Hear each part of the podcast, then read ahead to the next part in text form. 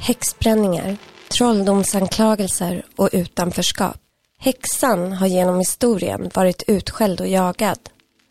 Idag ser vi en okult trend.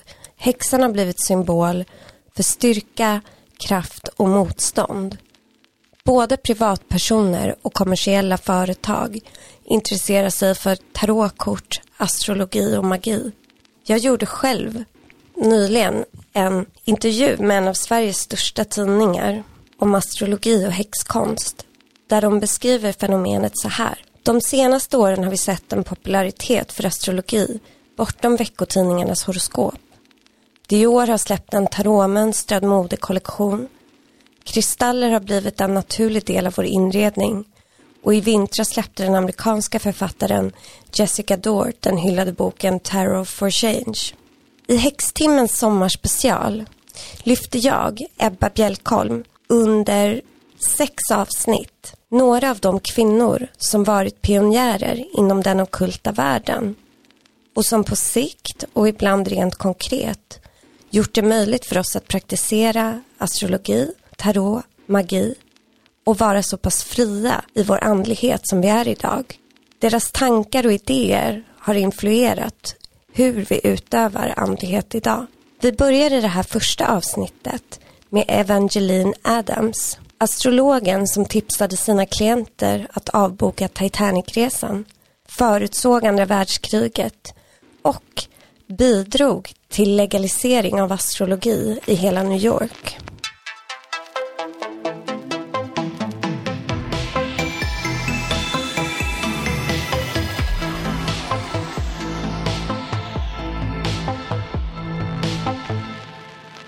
Vi befinner oss på Manhattan.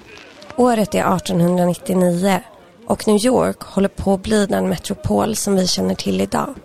Tänk er Gangs of New York eller personerna i Titanic-filmen och den stämningen i en storstad som växer och växer. Vår huvudperson, Evangeline Adams, är 31 år gammal. Hon har en bruten förlovning bakom sig och har flyttat från Boston hit till New York, staden där allt händer. Hon bestämmer sig för att bo på Upscale-hotellet, The Fifth Avenue Hotel, som hennes namnkunniga familj varit stammisar på i generationer. Adams är nämligen släkt till en av USAs första presidenter. Men hotellet säger nej. Evangeline Adams planerar nämligen att praktisera astrologi och är därför inte välkommen på hotellet. Evangeline får istället kontakt med Warren Leland som driver det ännu finare hotellet Windsor Hotel. Han låter henne inte bara praktisera astrologi på hans hotell. Han är även intresserad av ämnet själv och vill gärna ha sitt horoskop läst. Vid den här tiden läser Evangeline Adams både handflator och astrologi. Hon och Leland slår sig ner och hon läser först hans hand. Vad Evangeline ser i hans handflata är så kallade katastrofaspekter. Och när hon senare tittar i hans horoskop och på hans planettransiter så ser hon att det här katastrofala som ska ske ska ske typ nu. Evangeline blir skräckslagen. Hon blir så rädd att hon faktiskt lämnar hotellet trots att hon inte behöver smyga med sin astrologi där. Innan hon checkar ut varnar hon såklart Liland om att en katastrof kommer ske på hotellet och att han bör iaktta alla försiktighetsåtgärder han kan. Liland var nyfiken på astrologi men han tog nog inte riktigt Evangelins varning på allvar.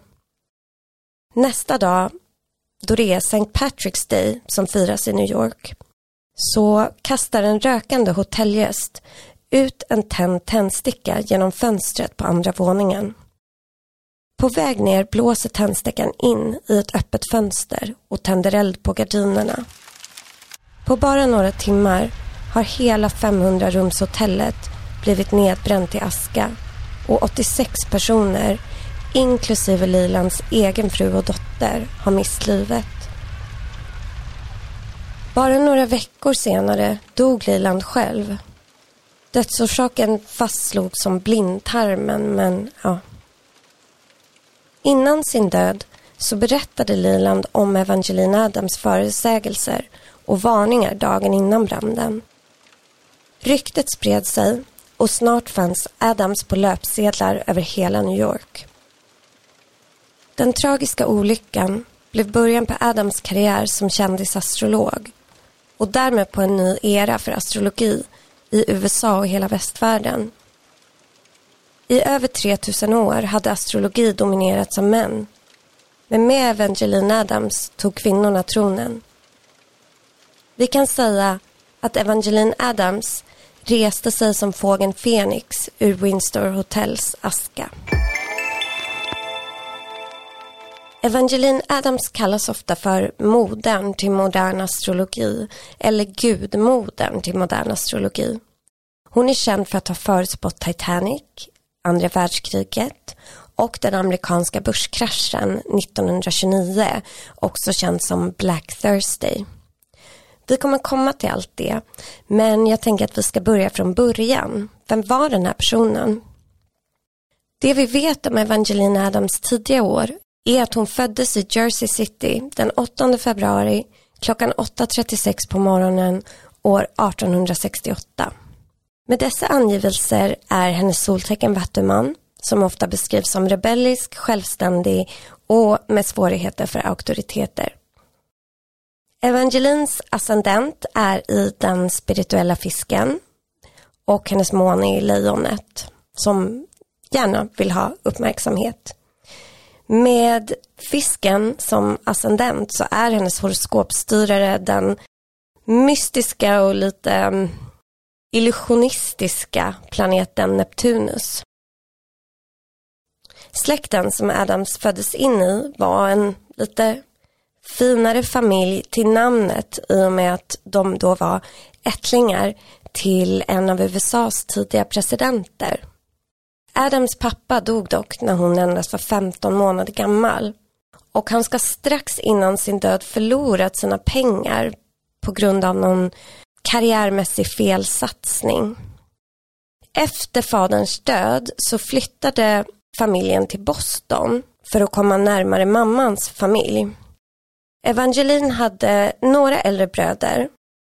Trots detta så tog Evangeline redan i ganska tidiga tonår på sig ansvaret för att försörja sin mamma som led av någon typ av demens. Och Evangeline verkar ha varit ganska ovanlig på flera sätt. En sak är att hon verkar ha varit väldigt fast besluten om att försörja sig själv. Och tänka på vad det här var för tid. Vi är alltså i slutet typ eller andra halvan av 1800-talet. Kvinnor hade inte rösträtt och att gifta sig var en ganska säker biljett till försörjning. Evangeline ska ha blivit friad till inte mindre än tre gånger men hon har tackat nej varje gång. Och det här är en spännande tid på många sätt. Kvinnor har som sagt ganska lite att säga till om. Vi får inte ens rösta. Samtidigt har både feministiska tankar och rörelser och spiritistiska rörelser börjat växa. I Storbritannien grundades till exempel Golden Dawn, ett inflytelserikt spirituellt sällskap som var det första där kvinnor faktiskt fick vara med. Vi kommer prata mer om Golden Dawn i kommande avsnitt men det var ett inflytelserikt sällskap där sådana som Crowley, Yates och Arthur Waite var med. Och som sagt, här fick för första gången kvinnor vara med i den här typen av slutna sällskap och initieras i dem och bidra med sina tankar.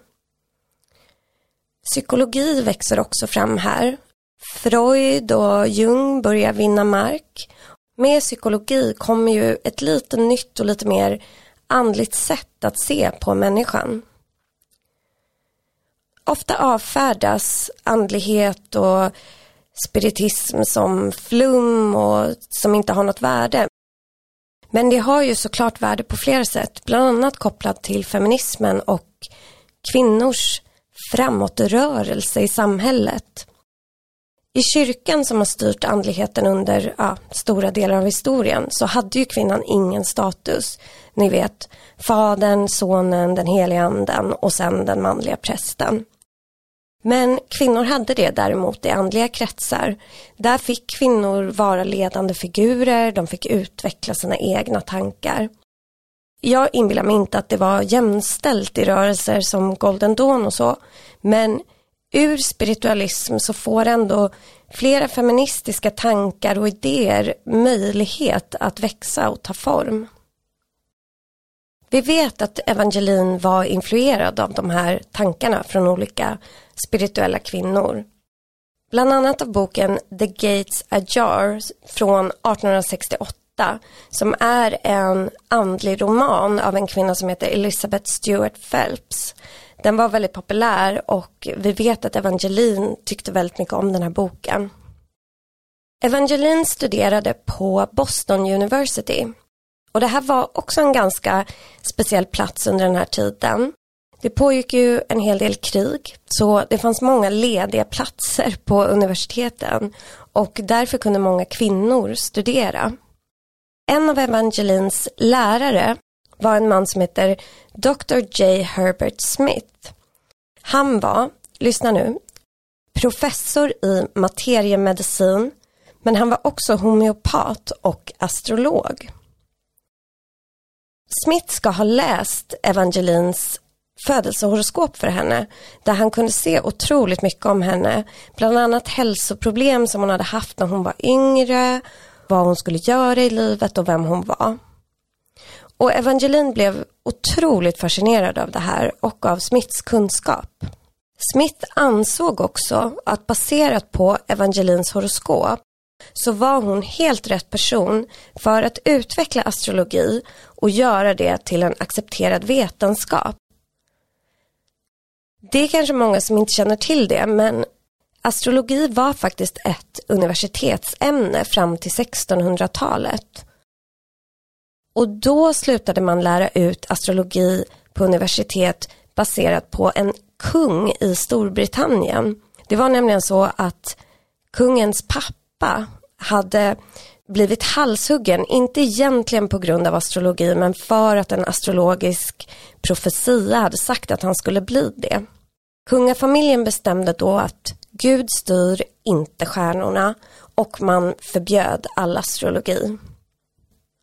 Men astrologi försvann ju inte ur samhället. Människor fortsatte att läsa och använda astrologi. Framförallt läkare som parade ihop läran om växter, alltså läkeväxter som man använder då med astrologi. Man använder det också för odling bland annat för att odla efter månen och efter rätt planettransiter. Till USA där Evangeline bor så kom astrologi kan man säga med pilgrimsresande som reste till USA som hade med sig böcker och en typ av kalendrar, då sådana här odlingskalendrar och så som man använde. Så att astrologi stannade i samhället men inte längre på universitetet och det var inte längre en lika etablerad vetenskap. Så det här kan man säga som astrologi blev sedd som mysticism och blev en del av okultismen istället för vetenskapen. Evangelins lärare Smith ville alltså att astrologi skulle upp på kartan igen och bli en mer accepterad vetenskap och han tyckte alltså att Evangelin var helt rätt för att göra det här. Så han lärde henne allt han kunde och hon studerade hos honom under flera år och sen la hon även till och pluggade vedisk astrologi hos Swami Vivekananda. När Smith gick bort i slutet av 1890-talet så testamenterade han också hela sitt astrologibibliotek till Evangelin som var väldigt stort och böcker var ju väldigt dyra så det här var ju en fantastisk gåva. Han trodde verkligen på henne.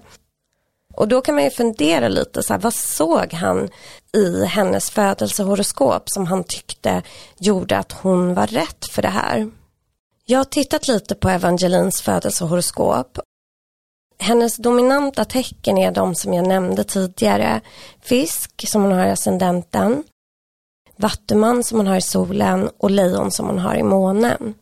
Hon har främst en rörlig kvalitet, det har vi i fisken och det leder till flexibilitet och nyfikenhet. Bland husen, de astrologiska husen, så är Evangelins första och tolfte hus dominant. Det är alltså där vi hittar flest planeter. Och man kan säga att många planeter i det första huset, det är alltså när de finns i ascendenten, det som är vår yttre person. Det skapar lite av en kändis. Det här är personer som har stark magnetism och de har också stark målmedvetenhet. Det här är någon som inte går obemärkt förbi. Så jag tänker att Smith kan ha tänkt att här har vi någon som är karismatisk och som kommer få igenom saker. Så det är inte bara någon som är intresserad av astrologi utan det är någon som också kommer att agera. Det sägs också att när man har många planeter i första huset så har man lätt att manifestera saker. Evangelin har dessutom Venus och Jupiter i konjunktion med sin ascendent och här får vi då in en extra skärm. I det tolfte huset som har en väldigt rik och komplex betydelse där har Evangelin solen och Mars i tecknet Vattumannen. Och vi kan säga att den här kombinationen mellan första och tolfte huset ger oss någon som jobbar för mänskligheten från en sublim plats. Vi har det dolda i det tolfte huset och det förs ut genom det första huset. Vi kan också se i Evangelins horoskop att hon har Saturnus i tionde huset, det är karriärshuset och det här är ett ganska säkert tecken på framgång. Hennes måne i lejonet finns i det sjätte huset och här finns också ett fokus på arbetet. Vi ser lejonet ta plats, lejonet blir en stjärna och ska ha en scen och det här ser vi i hennes arbetshus. Hon är också född på fullmåne, vilket står för en slags fulländning och en upplysning och en väldigt stark energi. Evangeline studerade astrologi i ungefär åtta år innan hon började arbeta som astrolog. Hon ska också ha studerat handläsning. Det kallas ju för palmistry på engelska. Och det är ju när man läser av formen och linjerna i en persons hand och läser av allt från personlighet till saker som ska hända. Hon jobbade också och samarbetade ihop med en lite äldre astrolog under en tid i Boston. Här lärde hon sig att sätta priser, möta klienter och så vidare. Tydligen så ska det ha skurit sig ganska mycket mellan de två. Och det Evangeline gjorde efter det var att hon aldrig nämnde den här personens namn igen. Och det verkar vara lite hur hon hanterade konflikter. Det är ett återkommande tema kring de konflikter runt henne man känner igen. Att hon pratar inte skit om folk eller så, hon bara nämnde dem aldrig igen och skar av dem från sitt liv. Det känns ganska mycket vattuman. Evangeline ska också ha förlovat sig med en äldre man i Boston men hon bröt den här förlovningen vilket ju var djupt skandalöst på den här tiden. Evangeline verkar ha varit ganska immun mot social ångest vilket ju är imponerande. Det var när Evangelins mamma dog som hon bestämde sig för att flytta till New York och även om det såklart måste ha varit väldigt sorgligt så gav det Evangeline en ny frihet för hon hade ju varit den som tog hand om sin sjuka mamma under väldigt lång tid, under typ 15 år. Eh, Evangeline var ungefär ja, 30, 31 var hon ju när hon flyttade till New York. Det här var ju en stad då där det samlades mycket konstnärer, mycket artister och det var lite friare och lite öppnare än många andra ställen. Och det var där som Evangeline ville utveckla sin verksamhet. Efter branden på Windsor Hotel så gick det fort för Evangeline. Klienter strömmande in. Hon hade ett kontor på ett nytt hotell och hon hade då massvis av kunder.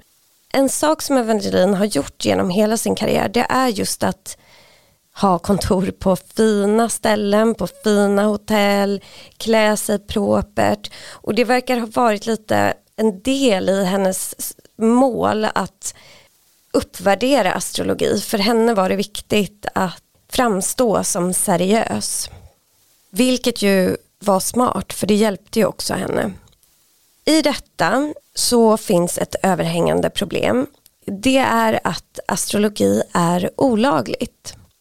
Det fanns en lag på den här tiden som faktiskt klumpade ihop alla typer av förutsägelser. Det var så olagligt att ge förut förutsägelser, att förutspå framtiden och säga sig kunna det.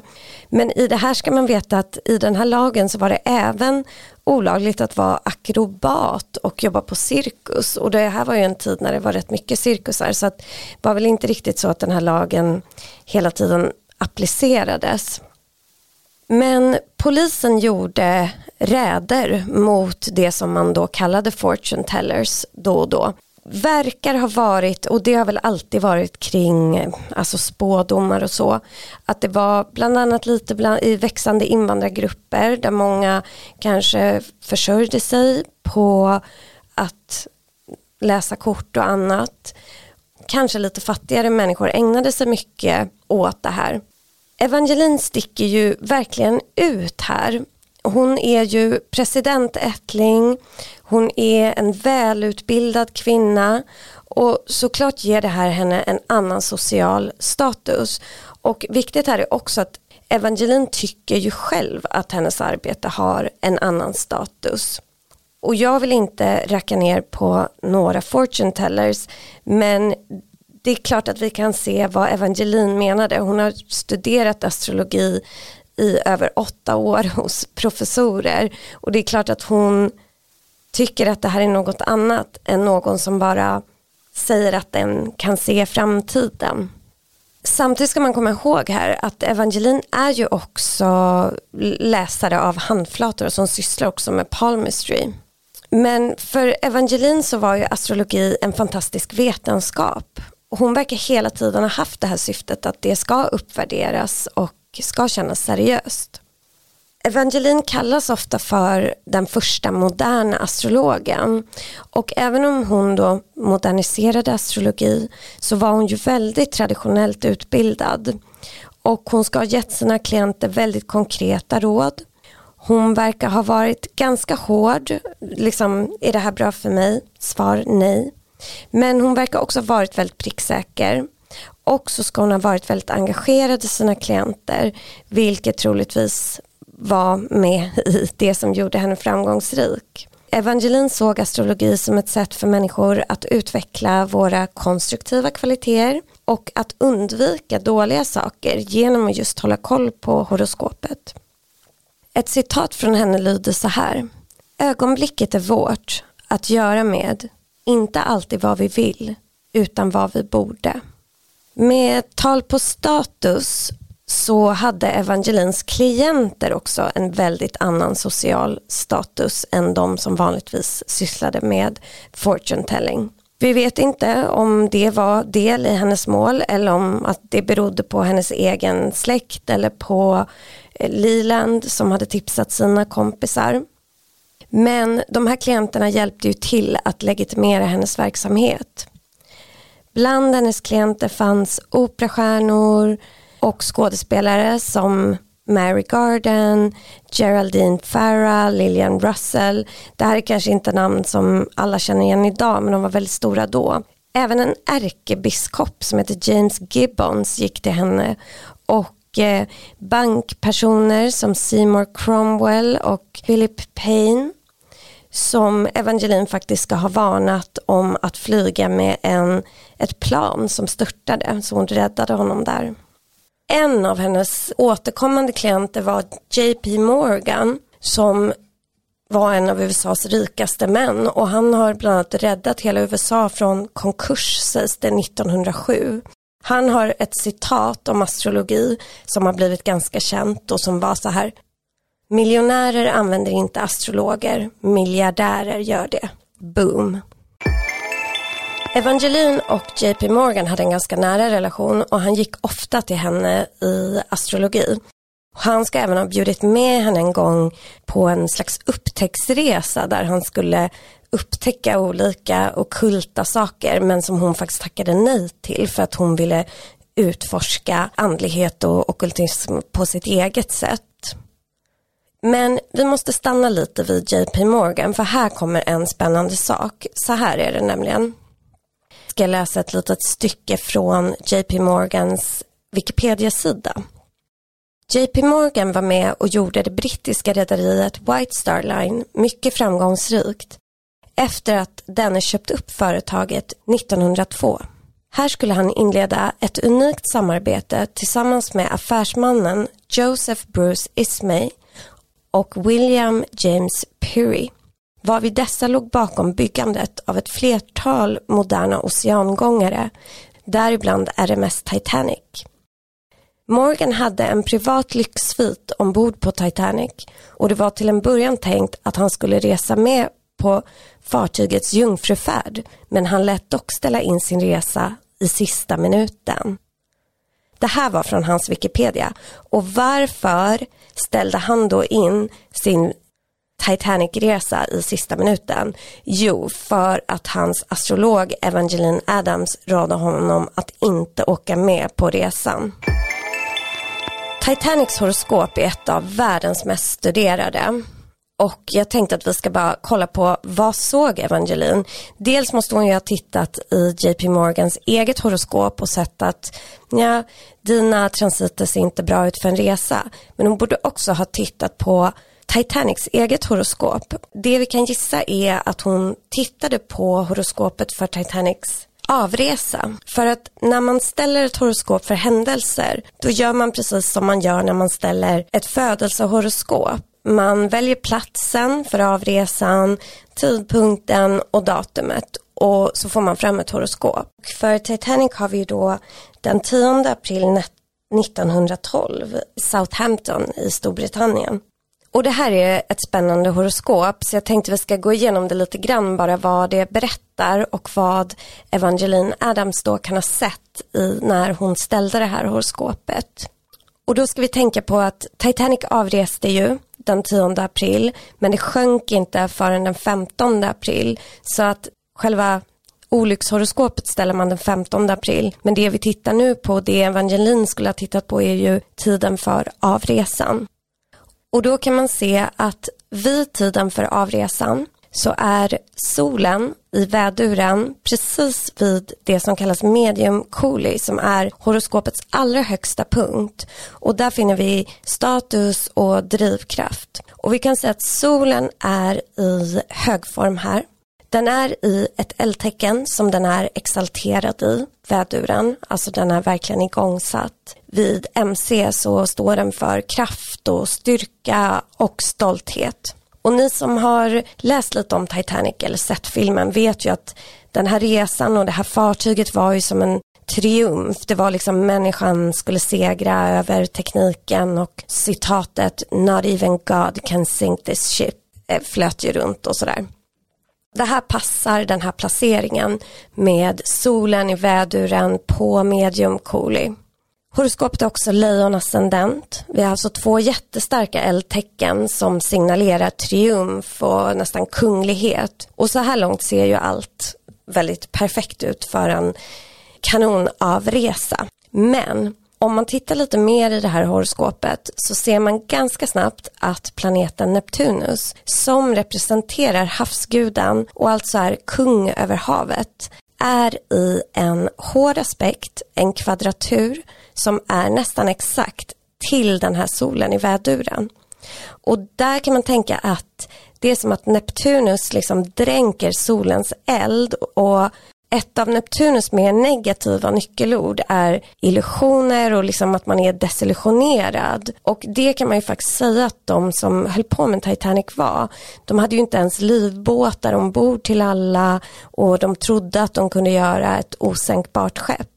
Neptunus representerar havets kraft och precis som det är med havets kraft och ja, jag tänker på tsunamin också, så är det en influens som ofta glöms bort eller ignoreras. Vi vet ju från tsunamin i Thailand som blev en fruktansvärd olycka, att många människor när havet drog sig tillbaka gick fram och tittade och, och vad häftigt och sådär.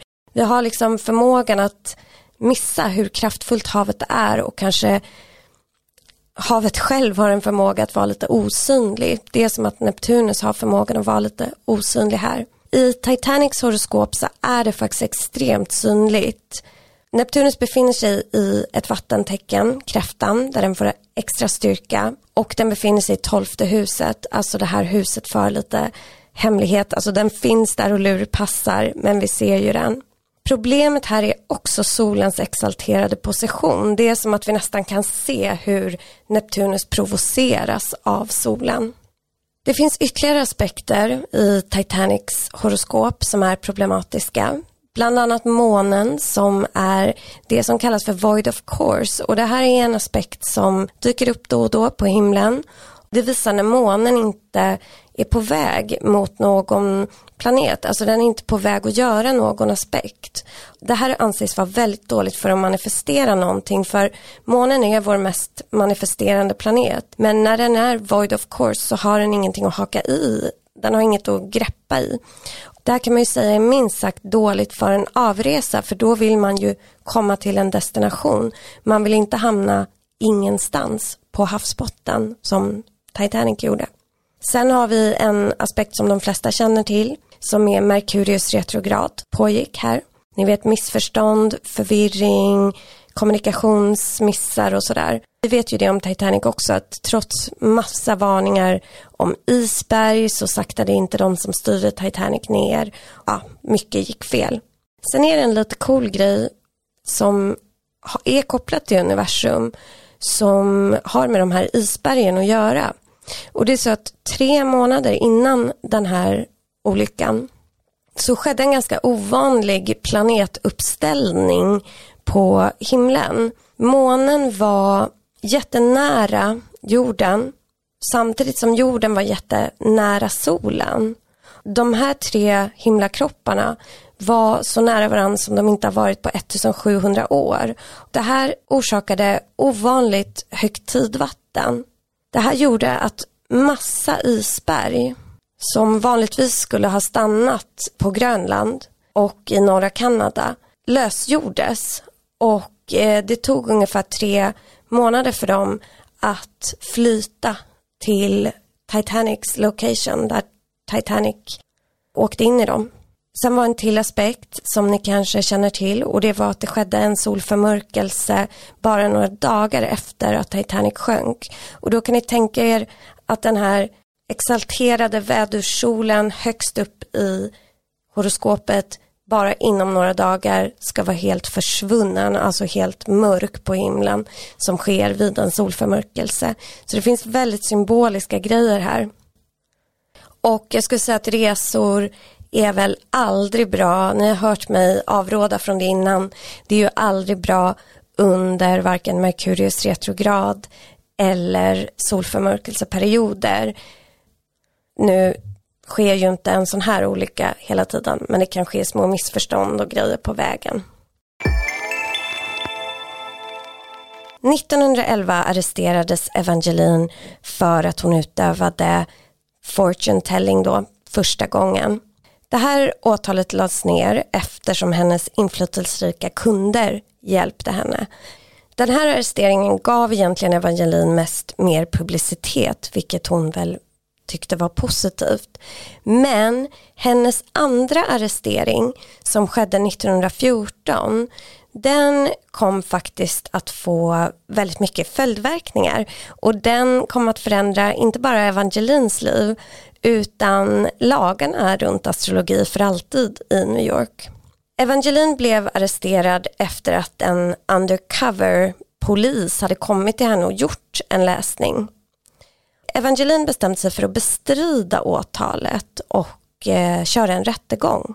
Eftersom Evangeline själv visste att hennes planetära transiter och horoskop såg bättre ut i december det här året så bad hon att få flytta fram rättegången. Hon sa att det var för att hon skulle förbereda sig mer. De gick med på det så att rättegången ägde rum då i december 1914. Det här fallet blev jättebevakat i media den här undercover-polisen som hade varit på läsning hos Evangeline vittnade mot henne i rättegången. Hon anklagade då Evangeline för att ha ställt en massa förutsägelser till henne. Där kan man säga stora drag. Hon anklagade Evangeline för förutsägelser och Evangeline försvarade sig med att säga att hon inte hade gjort egentligen förutsägelser. Hon hade bara delat information om planeternas position och sagt vad de hade med sig för energi. Den här polisen som vittnade berättade några av de här förutsägelserna som Evangeline skulle ha sagt åt henne. Varav en av dem menade hon var att hon hade sagt att den här polisens son skulle dö. Evangeline försvarade sig med att hon, det hon hade sagt var att den här sonen hade planetära aspekter som visade på en risk för olyckor runt el och högspänning. Så hon hade rått polisen och hennes son att han skulle undvika att arbeta i den typen av miljöer. Hon hade alltså inte förutspått någon död, hon hade bara gett honom tips för att stay safe. Den här domaren beslöt i slutändan att Evangeline Adams inte sysslade med förutsägelser utan helt enkelt delade sin kunskap om planeters position. Han sa faktiskt så här, det här har jag översatt då men det är ungefärligt. Den åtalade gör astrologi värdig en exakt vetenskap och hon gör det med inlevelse och hon anser att planeterna representerar olika krafter i universum. Så Evangeline vann den här rättegången. Hon firade och man kan säga att lagen ändrades inte kring förutsägelser men det blev ett nytt prejudikat som var att astrologer inte skulle dömas direkt utan varje fall måste värderas separat och om då astrologen kunde visa på att man använde astrologi och inte bara sa eller kastade ur sig förutsägelser så skulle man gå fri. Rättegången och vinsten av rättegången gav Evangeline jättemycket press. Något man verkligen kan säga om henne är att hon genom hela sin karriär varit väldigt duktig på att använda PR. Och det här hjälper ju hennes syfte att uppvärdera astrologi i samhället. Evangelins verksamhet blomstrade. Hon drev en verksamhet där hon både träffade klienter och skickade beställda horoskop över postorder. Hon började också skriva artiklar för i stort sett alla lite kvinnoorienterade tidningar i USA. Snart hade Evangeline 44 anställda.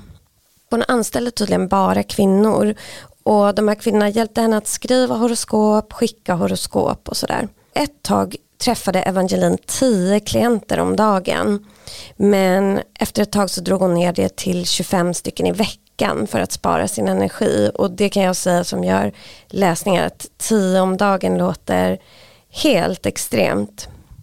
Evangeline började också att skriva böcker. Den första boken hon skrev heter The Bowl of Heaven.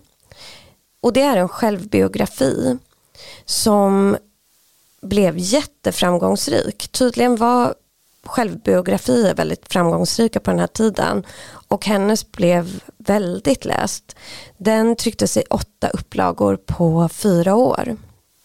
Sen skrev Evangeline en bok som heter Your place in the stars som är en slags introduktion till astrologi och vad olika planeter i tecken betyder. Lite som en enklare guide till astrologi. Och en lite rolig sak här är att hon faktiskt anlitade Aleister Crowley, en känd magiker och mystiker, som spökskrivare. De blev ovänner. Aleister Crowley verkar ha varit en ganska speciell person. Men han pratade jättemycket skit om Evangeline efter.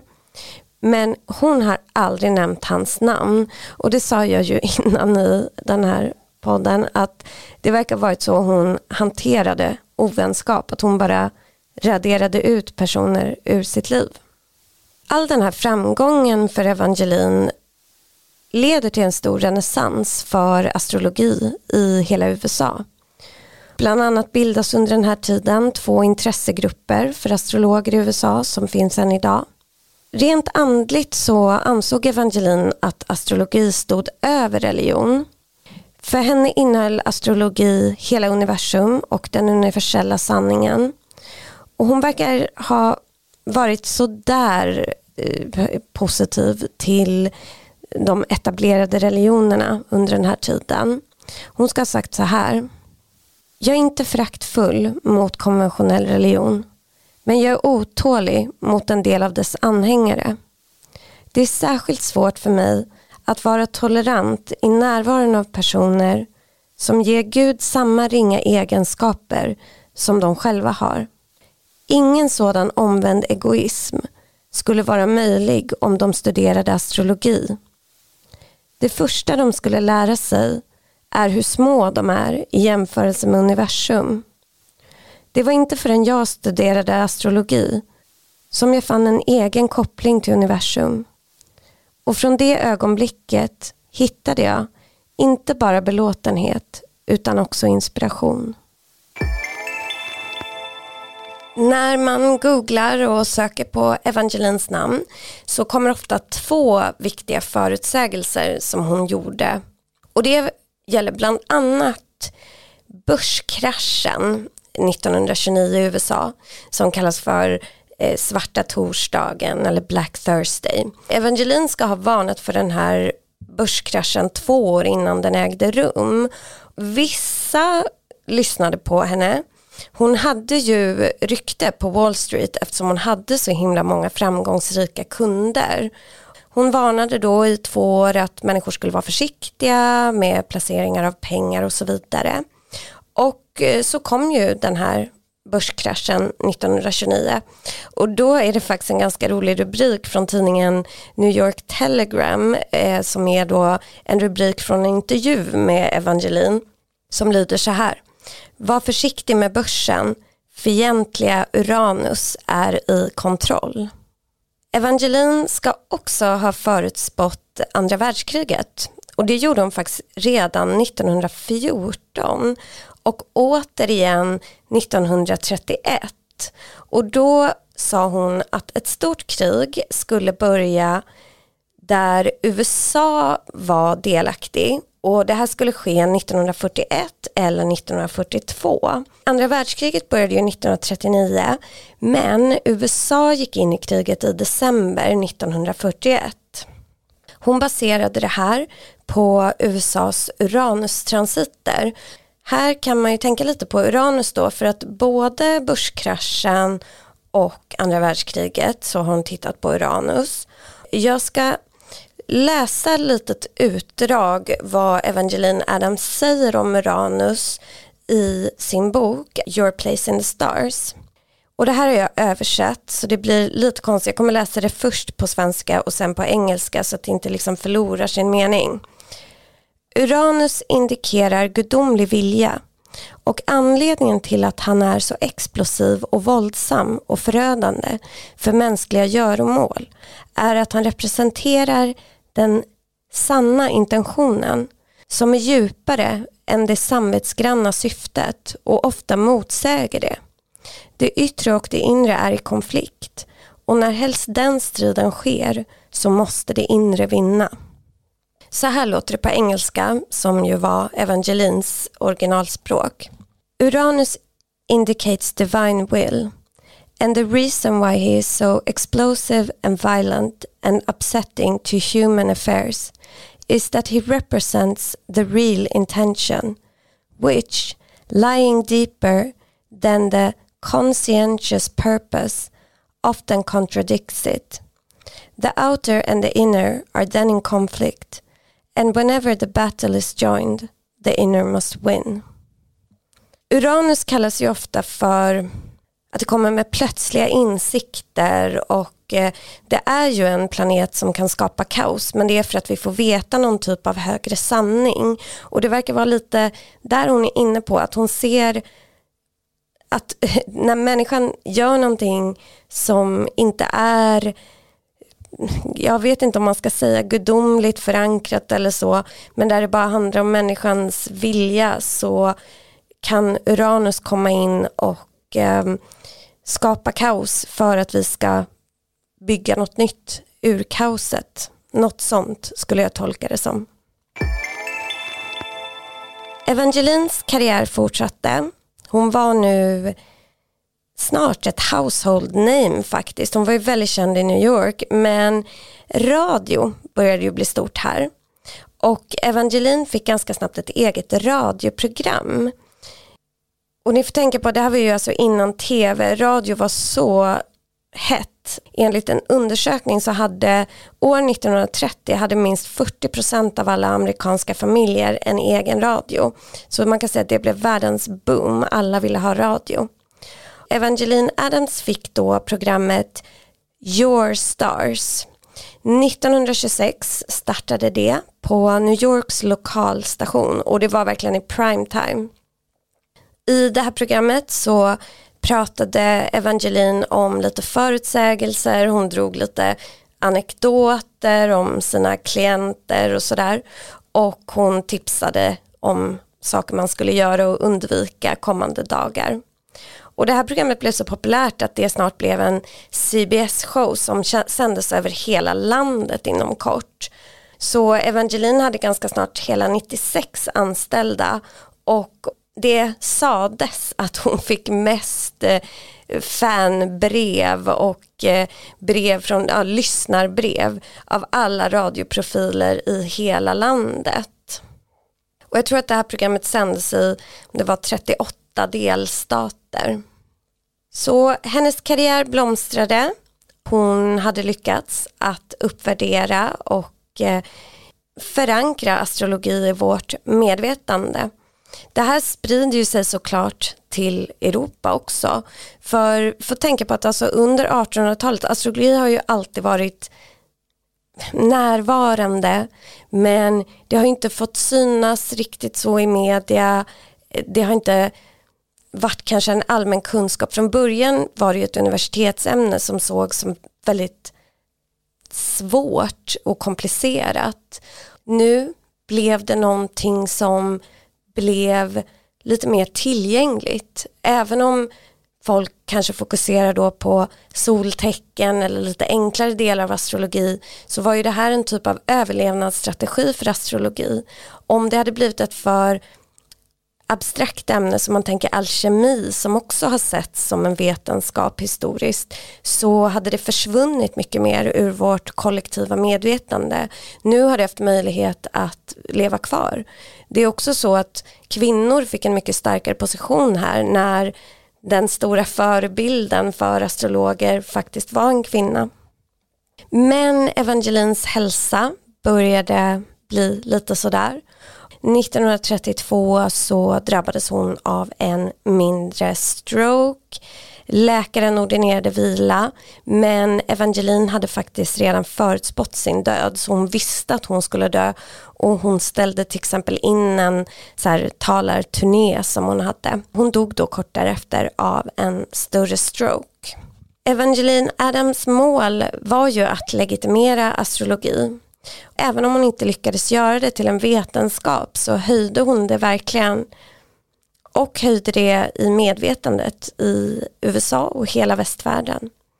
Jag tycker att det är fascinerande att Evangeline var en kvinna som under den här tiden, alltså när kvinnor inte ens hade rösträtt var ju när hon började sin karriär, tog den här vägen som var utmanande, till och med lite farlig och ganska komplicerad i och med att hon arbetade inom det okulta. Och hon lyckades legitimera sin karriär. Hon tog för sig och det tycker jag är inspirerande. Jag tänkte avsluta med ett citat från Evangeline som avslutar hennes egen självbiografi. Jag är övertygad att mitt liv har varit vad stjärnorna ansåg att det skulle vara ett liv i tjänst till andra. Det finns ingen begränsning för astrologi, men människans kunskap om astrologi har gränser. Det är min ambition, mitt enda uppslukande syfte, att pusha dessa gränser mot det oändliga tills de kommer så nära det är möjligt för mänskligheten att komma.